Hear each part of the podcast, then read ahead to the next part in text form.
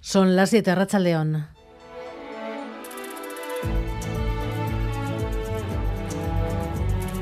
Gambara con Arancha García.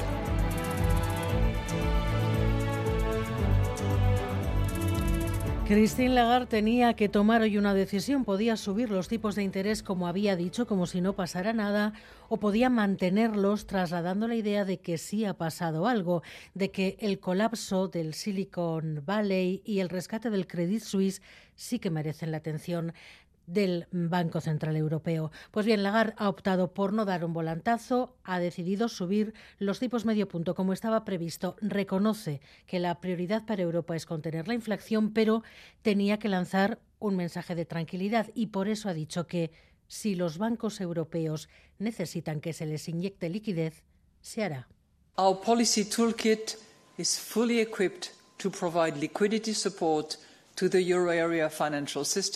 if needed, and to preserve the smooth transmission of monetary policy. Dice el Banco Central Europeo que no hay exposición relevante de los bancos de Europa a la crisis en Suiza, pero esta vez Lagarde se ha ahorrado anunciar una nueva subida de tipos a Maya Portugal.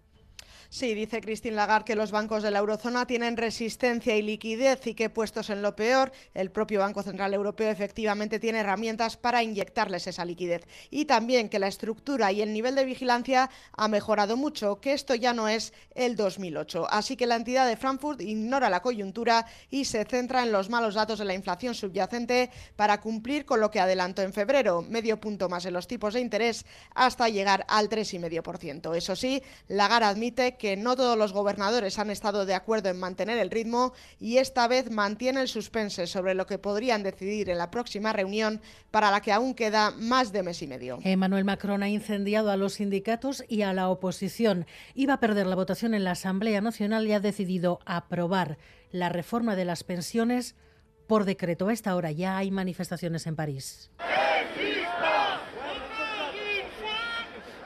Y se abre una crisis política que podría terminar hoy mismo con la primera ministra. Esta tarde los diputados de la oposición le han pedido que dimita cuando trataba de explicar el movimiento de Macron a la Asamblea. En una hora tiene cerrada una entrevista en televisión. Nos vamos en directo a París. Hola, Simona León. A Rachaldeón, Emmanuel Macron quería aprobar la reforma de las pensiones y ha ido hasta el final. Aprobándola por decreto usa la carta que nadie quería usar, pero aunque su gobierno caiga por esto, al menos ha conseguido aprobar el texto. Su primera ministra asume ser un fusible que puede saltar en cualquier momento y la oposición presentará en las próximas horas una o varias mociones de censura. En caso de que alguna salga adelante, no solo tumbarían al gobierno, sino que la reforma también caería. Y en Madrid, el Consejo de Ministros ha aprobado el decreto de reforma de las pensiones. Escriba está seguro de que conseguirá el aval del Congreso. El PNV está ahora mismo entre el apoyo y la abstención. A las 8 entrevistamos aquí en Gambara a Aitor Esteban. EH Bildu sí que garantiza su apoyo a cambio de un acuerdo con el Gobierno para aumentar las pensiones mínimas de viudedad, 40 euros más al mes, las individuales, 126 para las que tengan cargas. Bueno, hemos logrado incluir estas mejoras que son sustanciales en la reforma de las pensiones. Es un avance importante y además hemos conseguido también consolidar el aumento del 15% que venían teniendo las pensiones no contributivas gracias a un acuerdo que habíamos conseguido anteriormente y esto se va a hacer estructural. Los condenados en el caso de Miguel, entre tanto, tienen 10 días para entrar en prisión. La audiencia de Álava ha hecho efectiva la sentencia del Supremo. El gobierno vasco ha hecho efectivo los despidos. José Luis Fonseca. Pues notificado el auto de firmeza de la audiencia de Alba, confirmando las penas impuestas por el Tribunal Supremo, los principales condenados por el caso de Miguel, Alfredo de Miguel, Coldo Chandiano, Aitor Tellería y Xavier Sánchez Robles tienen 10 días de plazo para recoger su orden de ingreso en prisión y decidir en qué cárcel cumplen condena. Al tiempo cumplido el trámite jurídico final, el gobierno vasco ya ha procedido al despido inmediato y sin indemnización de los dos condenados de Miguel y Ochandiano que mantenían su empleo en la Administración Pública Vasca. Y se anuncian novedades en el calendario de vacunación infantil. Olsakidecha va a financiar la de la meningitis B y va a incluir otras tres nuevas. Se amplía la vacuna frente a la gripe a menores de entre seis meses y cinco años y por primera vez la del papiloma a niños de 12 años. Hasta el momento solo se vacunaba a niñas y no es nueva, pero frente a la polio se añade una dosis más a los seis años. Y faltan menos de dos horas ya para el partido de la Real frente a la Roma, un partido de esos clave que pueden llevar a cuartos de final de la Europa League. El ambiente empieza, está siendo especial en la ciudad durante todo el día. Edu García, Racha León. Racha León y empieza a calentarse ya la cosa porque efectivamente Anoeta va a estar a reventar para el partido que va a empezar a las 9. La Real lo tiene claro, tiene que remontar el 2-0 adverso de la semana pasada en el Olímpico. No va a ser fácil porque el equipo de Mourinho se ha especializado este año en partidos con marcadores cortos, pero se confía en que los de Imanol sean capaces de, como decía ayer el teorio, surfear esas olas de 30 metros que espera que se generen hoy en una caldera, como será Anoeta. Aquí lo vamos a contar en, en Quirol Festa, en una tarde en la que estamos también pendientes del Athletic por diferentes motivos. Mañana juega partido de Liga, está ya rumbo a Valladolid para ese encuentro, sin en la convocatoria un partido clave en la pelea que aún mantiene vivo el equipo de valor de por Europa. Y tenemos también Euroliga, con el jugando en Tel Aviv ante el Maccabi a partir de las 8, la jornada 29, y es un rival directo en la lucha por los ocho primeros puestos, así que es un partidazo también que nos espera. Bueno, pues todo eso a partir de las 9 menos cuarto.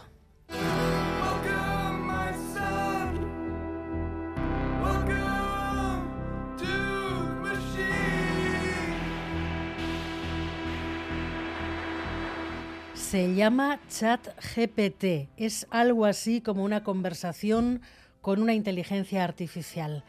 ¿Qué es exactamente, Gary Suárez? Bueno, pues se trata mm, básicamente de una página en la que el usuario puede preguntar cualquier cuestión a una inteligencia artificial y ésta le contestará en base a la información que tiene, que teniendo en cuenta que es toda la que hay en Internet, pues no es poca. ChatGPT está arrasando, todo el mundo quiere probarlo y los expertos coinciden en que un aspecto que lo hace especial es el, es el uso del lenguaje. Básicamente habla como un humano. Este chat fue actualizado hace dos días y ahora capta mejor la ironía, incluso puede hacer deducciones lógicas a través de imágenes, las aplicaciones que tiene son infinitas. Resumir textos, explicar teorías, resolver exámenes, componer canciones, son solo algunas. Escuchad lo que cuenta Pablo García Bringas, investigador en la Universidad de Deusto en inteligencia computacional aplicada.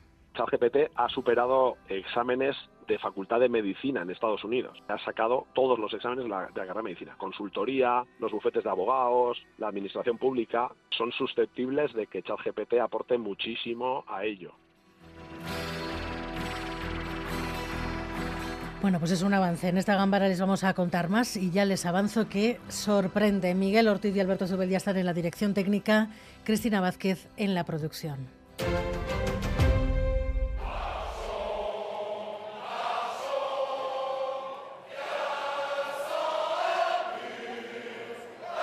Emmanuel Macron desafiando a los sindicatos, desafiando a la oposición. Lo que están oyendo es la llegada a la Asamblea Nacional de la primera ministra. Como no tenía mayoría suficiente para sacar adelante la reforma de las pensiones en la Asamblea Nacional, ha evitado la votación, ha recurrido a sus poderes presidenciales y ha impuesto la reforma por decreto. La primera ministra, su primera ministra, intentaba explicarse así, entre gritos de dimisión. Mesdames et messieurs les députés, y es que esto abre una crisis política de difícil pronóstico mmm, con los sindicatos, pero también demuestra la debilidad política de Macron y su gobierno. Arracha León, hola Simón, París. Arracha León. Gritos de dimisión, diputados cantando la marsellesa en la audiencia en la Asamblea Nacional. ¿Esto puede acabar con el gobierno, Olatz? Podría pasar. Los grupos de la oposición ya habían anunciado que si Macron recurría a esta vía, a ese artículo que la Constitución le permitía, pero que nadie quería utilizar, lo harían, presentarían mociones de censura. Se van a presentar en las próximas horas, una o varias, que se votarán seguramente el lunes. ¿Cuál es la diferencia entre esas, esa moción de censura o esas mociones de censura y esa docena de mociones de censura que ya la primera ministra ha pasado, ha sobrevivido en los últimos meses? Que ahora hay más diputados enfadados, porque los diputados de la derecha que estaban dispuestos a votar esta reforma eh, ahora creen que no les han creído, que Macron ha pensado que no iban a cumplir su palabra y que por eso ha recurrido a este decreto. Así que ellos, los diputados de la derecha, vuelven a ser clave, podrían votar, podrían apoyar esa moción de censura y tumbar así al gobierno, pero es que en ese caso se tumbaría también eh, la reforma, la propia ley que era el objetivo de Macron, aunque cayera su gobierno, aprobar hoy la reforma. Eso quedaría en agua de borrajas si esa moción de censura sale adelante. Para los sindicatos esta ha sido una especie de declaración de guerra después de semanas de movilizaciones, de huelgas generales. Ya se habían concentrado frente a la Asamblea cuando debía votarse y durante la tarde ya está habiendo manifestaciones en París. Sí, se han desplazado a la Plaza de la Concordia, no muy lejos de la Asamblea Nacional. Estamos aquí y es muy vistoso porque unos pocos han quemado unos cartones y eso crea una humareda negra enorme cuando en realidad realidad la concentración en la plaza está siendo absolutamente pacífica, pero se ve de fondo la nacional y no hay más que gritos de traidores, traidores, no queremos trabajar hasta los 64 años. Es una manifestación en París espontánea, también se está viendo frente a las prefecturas en Marsella, en Lyon. Los sindicatos han sacado un comunicado llamando a que se multipliquen las acciones, a multiplicar las manifestaciones, pero no concretan cuándo harán esa gran demostración Parece que tenemos problemas. Ha cortado esa comunicación con Olat Simón en directo desde la Plaza de la Concordia, uno de los puntos calientes en estos momentos en París, lugar de las manifestaciones, manifestaciones espontáneas, sindicatos, ciudadanos protestando contra la maniobra de Emmanuel Macron para evitar a la Asamblea Nacional y para imponer por decreto esa reforma del sistema de pensiones que incluye, entre otras cosas, el retraso de la edad de jubilación. Eso en París. En Madrid, el Consejo de Ministros ha aprobado esta mañana sin sorpresas, el decreto de reforma de las pensiones y el ministro Escriba está seguro de que conseguirá el aval del Congreso. El PNV en estos momentos está entre el apoyo y la abstención y H. Bildu ya garantiza el sí a cambio de un acuerdo para aumentar las pensiones mínimas de viudedad y sarobaza. Eso es, desde el Gobierno se muestran confiados en lograr el apoyo de todo el bloque de investidura. José Luis Escriba. Se va a tramitar como ley y en el proceso parlamentario, pues como es lógico, vamos a estar abiertos a todas aquellas eh, aportaciones que puedan mejorar la ley. De hecho, como decías, el Ejecutivo ya tiene garantizado el apoyo de Bildu y es que el Gobierno y el Grupo Soberanista han acordado aumentar las pensiones mínimas de viudedad y equipararlas con las pensiones no contributivas. Así pues, en 2024 las pensiones aumentarán desde los 40 euros al mes para las pensiones individuales y hasta los 126 euros para las viudedades con cargas. Hablamos en este último caso de viudedades que tengan a cargo, por ejemplo, menores o personas con discapacidad. Mercedes Purúa. Bueno, hemos logrado incluir estas mejoras que son sustanciales en la reforma de las pensiones. Es un avance importante y además hemos conseguido también consolidar el aumento del 15% que venían teniendo las pensiones no contributivas gracias a un acuerdo que habíamos conseguido anteriormente y esto se va a hacer estructural. Lo que no está garantizado es el apoyo del PNV. Los yelzales dudan entre el sí y la abstención. Aún así, trabajarán para que la reforma haya mejoras para los pensionistas autónomos de las cooperativas. A las ocho entrevistamos aquí en Gambara al portavoz del PNV en el Congreso, Aitor Esteban. Gambara, con Arancha García.